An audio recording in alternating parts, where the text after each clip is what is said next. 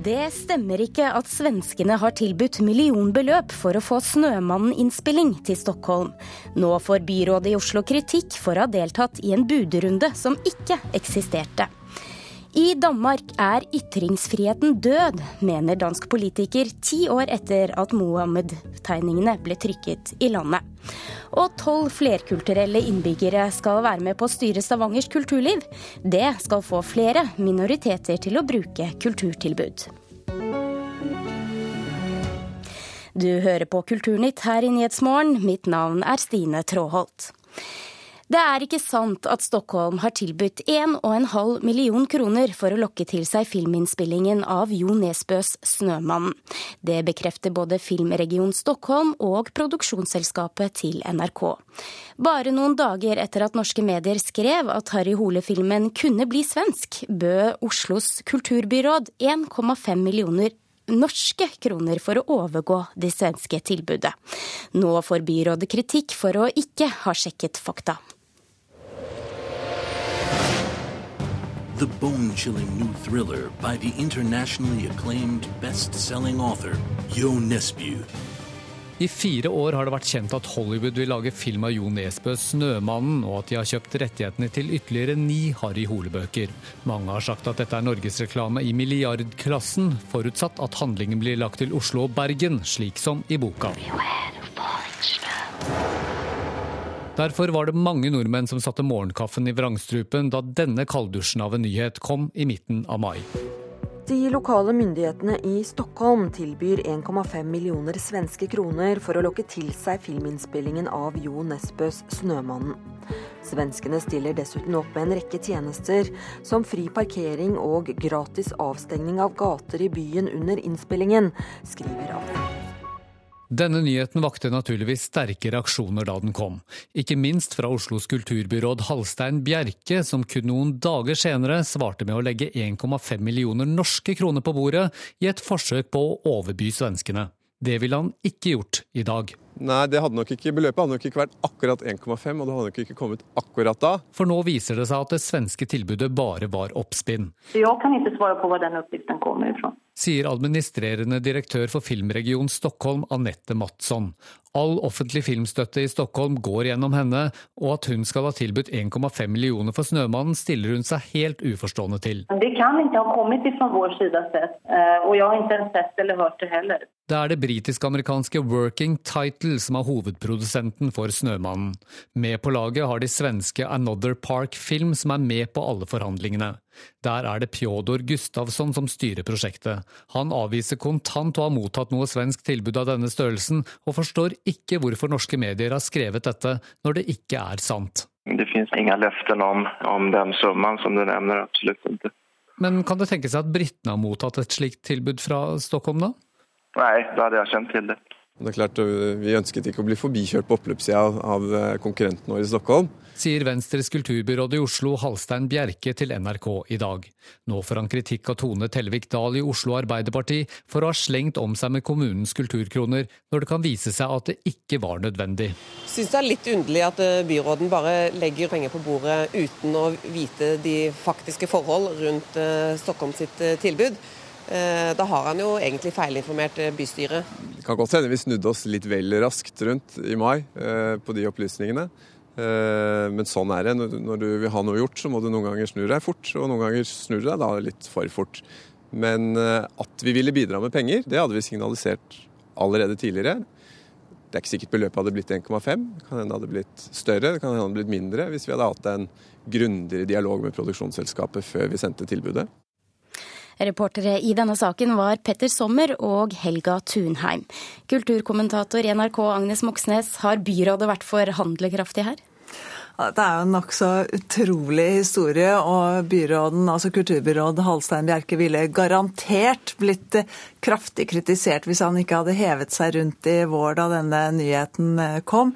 Men selvfølgelig, han skulle sjekket eh, sannhetsinnholdet i denne historien.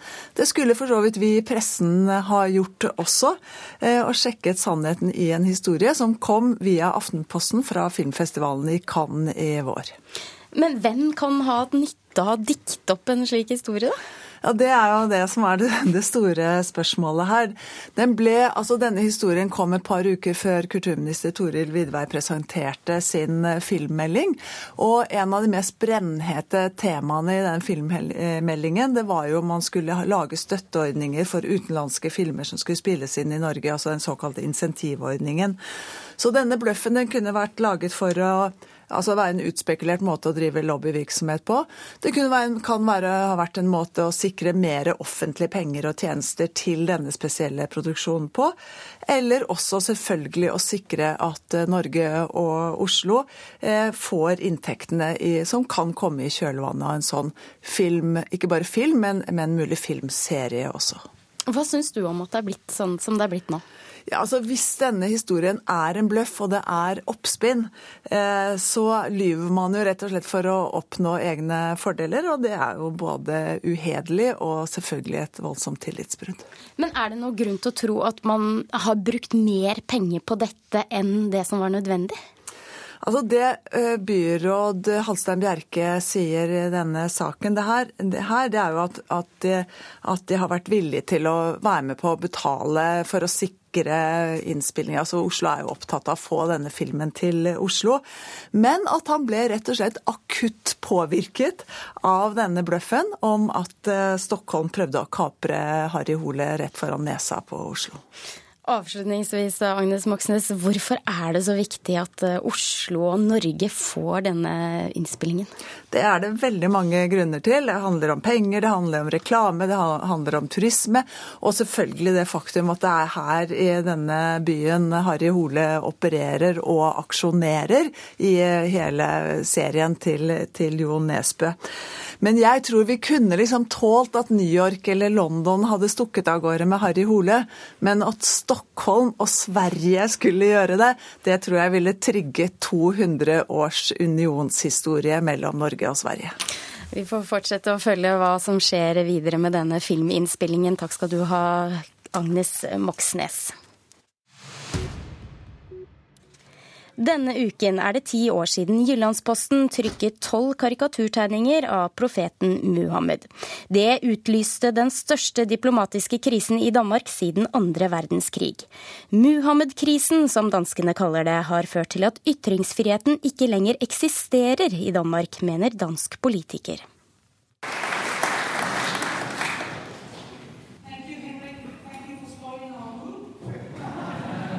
Landstingssalen i det danske folketing er stappfull av folk.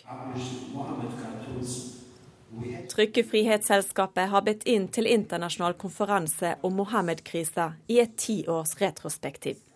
Ytringsfridommen er verna av politi med maskingevær sånn cirka overalt. Dansk Folkeparti-politikeren Marie Krarup sier det er en fallitterklæring. Mohammed-tegningene, Man tør ikke bruke dem i undervisningen f.eks. Det minner litt om et vekkelsesmøte der alle allerede er frelst. Ytringsfrihet og martyrer blir hylla med klappsalve, medan de fleste politikere og redaktører er feige. Terroristene har vunnet, ytringsfriheten i Europa er under angrep, og en skal kalle en spade for en spade. Her synes spaden å være islam og ikke islamisme. Men det er jo fordi trusselen kommer fra islam. Det er jo islamiske personer, der vil slå Kurt Vestergaard ihjel. Det var islamiske personer, der lavede et terrorangreb i februar. Vebjørn Selbekk er en av talerne. Han trykte Mohammed-tegningene i det norske magasinet i 2006. I talen kritiserer han daværende utenriksminister Jonas Gahr Støre for å ha sagt at det var ekstremister på begge sider.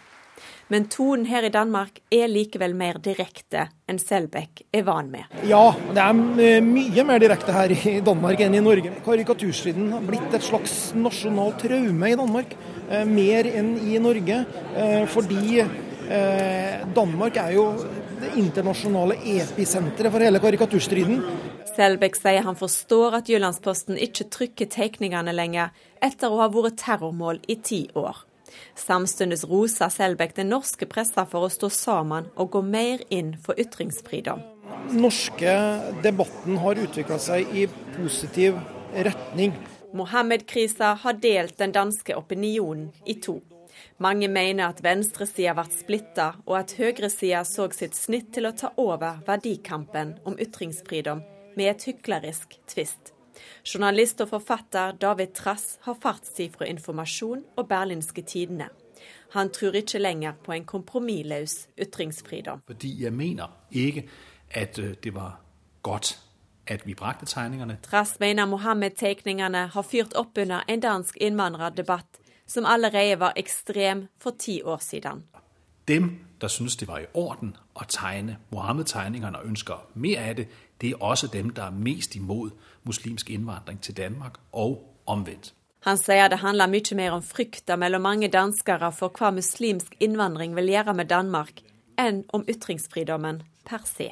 Vender tilbake til grunddiskusjonen. Er den danske kultur truet av muslimsk innvandring. Trass er nøyd med at den danske regjeringa har valgt å ikke markere tiårsdagen for tegningene denne veka. Men Krarup er uroa. Vil jo føre til at vi skal genoppføre hele det teaterstykket som vi har kjent de siste ti år en gang mer. Det er fryktelig. Så ytringsfriheten er truet i Danmark. Ytringsfriheten er på mange måter vekk. Reporter i København er eh, Tove Irén Spissøy Gerhardsen. Og Knut Olav Åmås, direktør i Fritt Ord. Stor pessimisme på ytringsfrihetens vegne, hørte vi i saken her. Er det grunn til det? Nei, Bildet er tvetydig. Det er noen positive og noen eh, negative utviklingstrekk. Eh, I Norge ser vi at befolkningen og mediene Eh, har fått eh, økt eh, tro på ytringsfriheten siden karikaturstriden starta for ti år siden. Iallfall sier man det i undersøkelser. Og på den andre sida så ser vi klare og markante og sterke trekk av sensur og sjølsensur. Nå hører vi her at danske medier ikke vil trykke de omstridte karikaturene på nytt. Er det et tap? Ja, de er jo fortsatt relevante. Og Jyllandsposten har jo vært veldig klar på at det er redsel, det er frykt, som er grunnen til at de ikke gjør det. Det skrev de i en leder. Og dette hadde vært veldig sjelden å se norske medier være ærlige om. Det var man ikke i 2006 eh, og noen år framover. Så um, dette er iallfall et uh, tegn på at uh, det fins en uh, frykt og en redsel nå, skapt av trusler og skapt av terror og vold, Eh, volden har begynt å virke. Og det er det virkelig dystre ved den nye sånn kontinuerlig spente situasjonen, både i Norge og Danmark. Ja, Hva tenker du om at det er slik? Nei, det, er, det, det, skaper, det, skaper, avlysninger, det skaper mm, tilpasning av utgivelser og publikasjoner og utstillinger. Og frykten er en dårlig avisredaktør det, er, um, det skaper dårlige beslutninger når, når, frykten får styre dømmekraften. Da blir ikke beslutningene om hva som skal finnes i den offentlige sfære og diskuteres der, tatt i, tatt i frihet og på en rasjonell måte lenger. Og, og det å spre denne frykten er jo nettopp ekstremisters mål. I Søndagsavisa i går kunne vi høre at en eh, karikaturbok var på trappene her eh, og skulle vært utgitt i Norge på forlaget Spredet, men ble stoppet. Mm. Hva sier det deg? Nei, Det er en særdeles uh, merkelig og trist sak. Uh, Thomas Gnarvik har i alle fall uh, valgt helt feil forlag. Det, det, er kunstneren du nevner ja, her også? Kunstneren som, mm. har, som, står bak denne karikaturboka. Det kan godt hende at han vil ha greid å finne et norsk forlag og ikke trengt å gå til Danmark. Det er et spennende spørsmål i seg sjøl. Og så inneholder jo ikke denne boka Muhammed-tegninger og karikaturer heller, men men eh, røffe, rå eh, karikaturer som retter seg mot flere religioner. Men eh, forlaget har iallfall ut, opptrådt utrolig klossete. Det å trykke 2500 eksemplarer av en bok og så bestemme seg for at den er for dårlig. Og dette er jo noe vi har sett i hele karikaturstiden i ti år. At man angriper det som blir publisert eller skal publiseres, og sier at det er av for dårlig kvalitet mens det i realiteten ofte ligger frykt under. Og Forlagssjefen i dette forlaget eh, sier jo også at eh, han, han, eh, tror ikke sånn på boka at han er villig til å potensielt ofre livet, som han sier.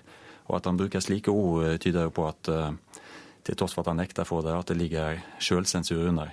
Ja, Du er ganske sikker på det, at det er det som er årsaken her? Og ikke at det ikke er kvalitetssikret godt nok, som forlaget selv sier? Det kan godt være begge deler. Jeg bare ser dette fra sidelinja. At uh, dårlig kvalitet ble brukt i høy grad også mot karikaturtegningene publisert i Jyllandsposten. Uh, vi skal tåle karikaturer uh, også mot ekstremisme og mot islam, ble det sagt, men disse tegningene er ikke gode nok. Så her kjenner jeg igjen situasjonen fra den gang det brøt løs for ti år siden. Hva tenker du om eh, fremtiden nå for eh, ytringsfrihetens kår i Norge? For å slutte av med det. det mm, vi, vi, I Fritt Olav la vi fram en ytringsfrihetsundersøkelse. Flere tusen mennesker spurte, også journalister og kunstnere. Og nesten halvparten av norske kunstnere sier der at de i sitt kunstneriske arbeid unngår å støte religiøse holdninger. Og befolkningen er også mer skremt av eh, religiøst motivert terror eh, enn av andre former for terrorisme. Så mm, dette, dette avleirer seg nok også i det ytringsklimaet vi får eh, framover. Til tross for at undersøkelser gjort i en mer rolig situasjon tilsier at mange flere har fått en økt grunnleggende forståelse for ytringsfriheten. Men eh, sensur og sjølsensur tror jeg blir et stort tema fremover, og hvor grensene skal gå. Og vi, skal, vi er i gang med en ny ytringsfrihetsundersøkelse. Direktør i Fritt Ord, Knut Olav Åmås, takk for at du kom til Kulturnytt. Du hører på Kulturnytt, og klokka er ti på halv ni, og dette er hovedsakene denne morgenen. USA vil at FN-styrker skal kunne angripe og ikke bare være observatører i krigsområder. Statsminister Erna Solberg sier at hun støtter USAs forslag, men at det ikke kan gjelde for alle oppdrag. Kommunestyrene klarer ikke å nå målet om å like mange kvinner som menn. En gjennomgang NRK har gjort av 100 kommuner etter valget, viser at snittet på kvinner i kommunestyrene ligger på 38% det samme som etter valgene i 2007 og 2011. Og separatistene har erklært valgseier i Catalonia. Partiet ønsker løsrivelse fra Spania og har sikret seg flertall i det regionale parlamentet. Tolv rogalendinger med flerkulturell bakgrunn er plukket ut til et nettverk for å påvirke styringen av Stavangers kulturliv fremover. Målet på lang sikt er, å få flere innbyggere med minoritetsbakgrunn til å bruke kulturtilbudet. Først skal de tolv utvalgte nærmest forsøke å infiltrere og styre ledelsen ved de store kulturinstitusjonene pleier å si at jeg tilhører den største minoriteten i Norge, så noe kan jeg sikkert bidra med. Siviløkonom Malena Grossmann Egge fra Polen jobber som forhandler i Statoil. Nå er hun én av tolv utvalgte i et nettverk som skal jobbe for et mer flerkulturelt kulturliv i Stavanger. Jeg er mest interessert i styreverv, det må jeg bare innrømme. Men uh, whatever, bring it on. Dette er ei gruppe som til sammen sitter på mye kompetanse og erfaring som nå kulturinstitusjonene kan nyttiggjøre seg. Sier prosjektleder Audhild Steines. De tolv skal nå bruke av sin fritid til å påvirke de seks største kulturinstitusjonene i byen, som bibliotek, teater, symfoniorkester og museum, sier Steines. Man ønsker mer flerkulturell påvirkning på innsida av institusjonene. Hvis de kan få en stemme da, inn i styreprogram eller markedsarbeid, så er jo det fine arenaer å være med og påvirke på. Og så er jo det langsiktige målet det å øke den flerkulturelle publikumsdeltakelsen. At det publikummet som man finner på institusjonene skal gjenspeile det mangfoldet som er her i byen og i denne regionen. Skal du jobbe spissa mot nasjonaliteter, så, så, er det en fordel at du har noen fra det landet som det, det prosjektet er rettet mot. Men ellers så tenker jeg jo mer bredde, jo, jo bedre er det, rett og slett. Sier Malena Grossmann Egge. Stavanger-prosjektet er satt i gang med kommunale penger. Kulturdepartementet har ingen søkbare midler til mangfoldsprosjekter, og det er ikke et prioritert tema for tiden, skriver kommunen i sine saksdokumenter. Slik var det ikke for noen år tilbake. Welcome to the opening of Stavanger 2008, European Capital of Culture, and to the launch of Norway's Year of Diversity, Da Mary Miller åpnet kulturhovedstaden Stavanger i 2008, åpnet hun samtidig Mangfoldsåret, med daværende kulturminister Trond Giske i spissen. Men resultatene lot vente på seg. Mangfold er totalt fraværende i store norske kulturinstitusjoner, mener eh, forlegger. Og med regjeringsskiftet forsvant også instrueringen i statens tildelingsbrev til kulturinstitusjonene om å satse på mangfold. Blir det borgerlig regjering etter valget, blir det slutt på alle føringer når staten gir penger til kulturlivet. I fjor ble også det nasjonale prosjektet Styrende mangfold avsluttet, etter å ha kurset nær 100 personer med flerkulturell bakgrunn i styrearbeid. Kulturminister Toril Vidvei skriver i en e-post til NRK at departementet ved oppnevnelse av styremedlemmer tar hensyn til at styrer bør ha folk med ulik kompetanse og bakgrunn, og at Stavanger-prosjektet er interessant. Det viser i alle fall at mangfoldspolitikken ikke er død lokalt, sier Audhild Steines. Nå Med den regjeringen som sitter nå, så blir det ikke lenger målt på det. og Da, da tenker jeg at da, ja, da, er det jo en fare for at man, man, ikke fokuserer like sterkt på det lenger. Men derfor syns jeg det er ekstra gledelig at, eh, at institusjonene i Stavanger, eh, så langt i hvert fall, eh, sier at dette er de med på. De vil være med og tenke videre hvordan Stavanger kan bli gode i forhold til flerkulturelt kulturliv. Jeg syns jo egentlig at det er dumt at ikke vi har kommet lenger i forhold til mangfold. Sier avdelingsdirektør i Museum Stavanger, Bitten Bakke. Vi klarte det ikke. Vi har jo hatt et stort program, men det har liksom blitt at vi har lagd utstillinger for de som kommer. Men jeg syns vi skal gjøre det i fellesskap. For det, de som kommer har så mye kompetanse som vi kan lære å få inn i våre utstillinger for å gjøre det bedre. Reporter her var Anette Johansen Espeland.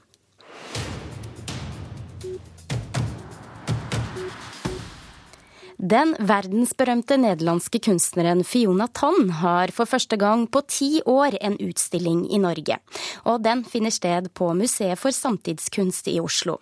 Jeg har snakket med kunstanmelder Mona Pale Bjerke om hvorfor hun er så anerkjent. Jeg tror det er noe ved hennes prosjekt som appellerer veldig til oss, det at hun går inn i veldig grunnleggende menneskelige tematikker. Hun er opptatt av hva minner gjør med oss, og hvordan våre opplevelser er med på å forme vår selvopplevelse. Og det er jo noe som angår eh, oss alle. Utstillingen den har fått tittelen 'Tidens geografi'. Eh, hvordan forstår du dette? Jeg syns dette er en veldig treffende tittel, for det hun jo hele tiden prøver, det er nesten å på en måte kartlegge tiden. Gi tiden synlighet. Og dessuten er hun også veldig opptatt av det geografiske stedet. Hvordan geografiske steder som har betydd mye for oss, er en, på en måte en del av uh, oss selv. Ja, Fortell litt om eh, dette vi får se, for hun har spesielt ett verk som peker seg ut. Ja, vi har, eh, Dette med Vox Populi er jo noe som mange, et norsk publikum kjenner. Disse seriene hun har med fotografier som forsøker å vise en kollektiv identitet. Der tar hun tak i steder, eh, noen ganger store byer, andre ganger nasjoner. Og her har hun bl.a. tatt tak i Norge. Det fins fem slike serier, og nå kan fire av fem ses i Oslo. Tre av dem, Sydney, London og Tokyo, er i utstillingen. Og Vox Populi Norway kan ses på Stortinget, der den er en fast installasjon gjennom hele året i kjelleren i komitéhuset. Og den skal være mer tilgjengelig nå i utstillingsperioden, fordi den på en måte er en del av utstillingen. Og dette er jo bilder, amatørfotografier, som hun har samlet inn fra folk da i Norge, når det gjelder da Norge. Og eh, som skal på en måte vise en slags fellesidentitet, og også en slags kollektiv eh, hukommelse. Ja, Hva slags fotografier er, er, dette egentlig? Det er jo alt mulig av glimt av virkelighet. Og det er jo det hun er veldig opptatt av mennesker, også menneskers liv. Og hvordan, det som slår meg når jeg går rundt blant uh, disse bildene, det er jo dette ordtaket 'erindringen er en poet og ingen historieforteller'. Og det er nettopp denne brytningen i hukommelsen mellom det forestilte og det virkelige, mellom det litterære og det historiske, som står veldig sentralt hos Fiona Tann. Eh, men på denne utstillingen nå eh, på Museet for samtidskunst, så er det ikke bare fotografiet hun viser? Nei, også film. Og hun er jo opptatt av hvordan tiden da modner, elder og forvandler oss. Og dette ser vi bl.a. i filminstallasjonen Diptyk, hvor hun da har tatt tak i eneggede tvillinger som utgangspunkt. Hun har da tatt ti tvillingpar som hun har eh, filmet over mange år. Og som tvillingmor da, så gikk jeg litt skeptisk inn der og tenkte hva slags tvillingmyter skal vi nå presenteres for? Men heldigvis så er det ikke speilingen mellom tvillingene hun er opptatt av, eller likheten, men mye mer hvordan utfordringen ved å vokse opp side om side, bygge en egen identitet, og hvordan enkeltindividet innenfor tvillingskapet utvikles og endres. Vi ser f.eks. da en eh, utrolig søt liten lubben gutt på kanskje sånn ti år, som ikke klarer å holde seg alvorlig mens han blir filmet. Mens tvillingbroren er helt rolig og alvorlig gjennom hele filmseansen. Og når vi ser dem da tre-fire år senere, da er valpefødte borte, de er blitt ungdommer, men fremdeles så er denne samme gutten så lattermild. Og vi ser veldig tydelig da det som kanskje er en selvfølgelighet, i hvert fall for oss tvillingmødre, at eh, to barn som da er genetisk helt like, som enede tvillinger, tvillinger jo er, er allikevel utrolig forskjellige, selv om de har vokst opp i den samme familien. Så dette er én av mange typer sånne identitetsproblematikker hos Fionatan. Ja, og avslutningsvis, når du ser hele denne utstillingen eh, sammen, er, er, svarer den til forventningene? Jeg hadde veldig høye forventninger, og jeg ble allikevel positivt overrasket. Det som gjør det så utrolig bra, det er at man går ikke inn i det og møter det med en teoretisk distansert interesse. Dette er noe som på en måte griper rett inn i oss og vekker minner i oss selv. Inviterer oss til å gjøre en parallell vandring i vår egen eh, historie. Så det, blir, det er veldig gripende. Og utstillingen den eh, henger på Museet for samtidskunst til januar 2016. Takk skal du ha, kunstanmelder i NRK, Mona Palle Bjerke. Kulturnytt nærmer seg slutten, men eh, før det så skal vi ta med at mange vil kle seg ut som Donald Trump på halloween. Flere kostyme- og partybutikker i USA er utsolgt for parykker som etterligner den amerikanske presidentkandidaten og forretningsmanns hår. Selv om høytiden ikke feires før 31.10, var flere butikker tomme allerede i midten av september. Det melder det amerikanske nettstedet marketwatch.com. Nå fortsetter Nyhetsmorgen her i P2 og Alltid nyheter. Ansvarlig for sendingen var Tone Staude, og det tekniske ansvaret hadde Hans Ole Hummelvold. Mitt navn er Stine Traalt. Husk at du får flere kulturnyheter på nrk.no kultur.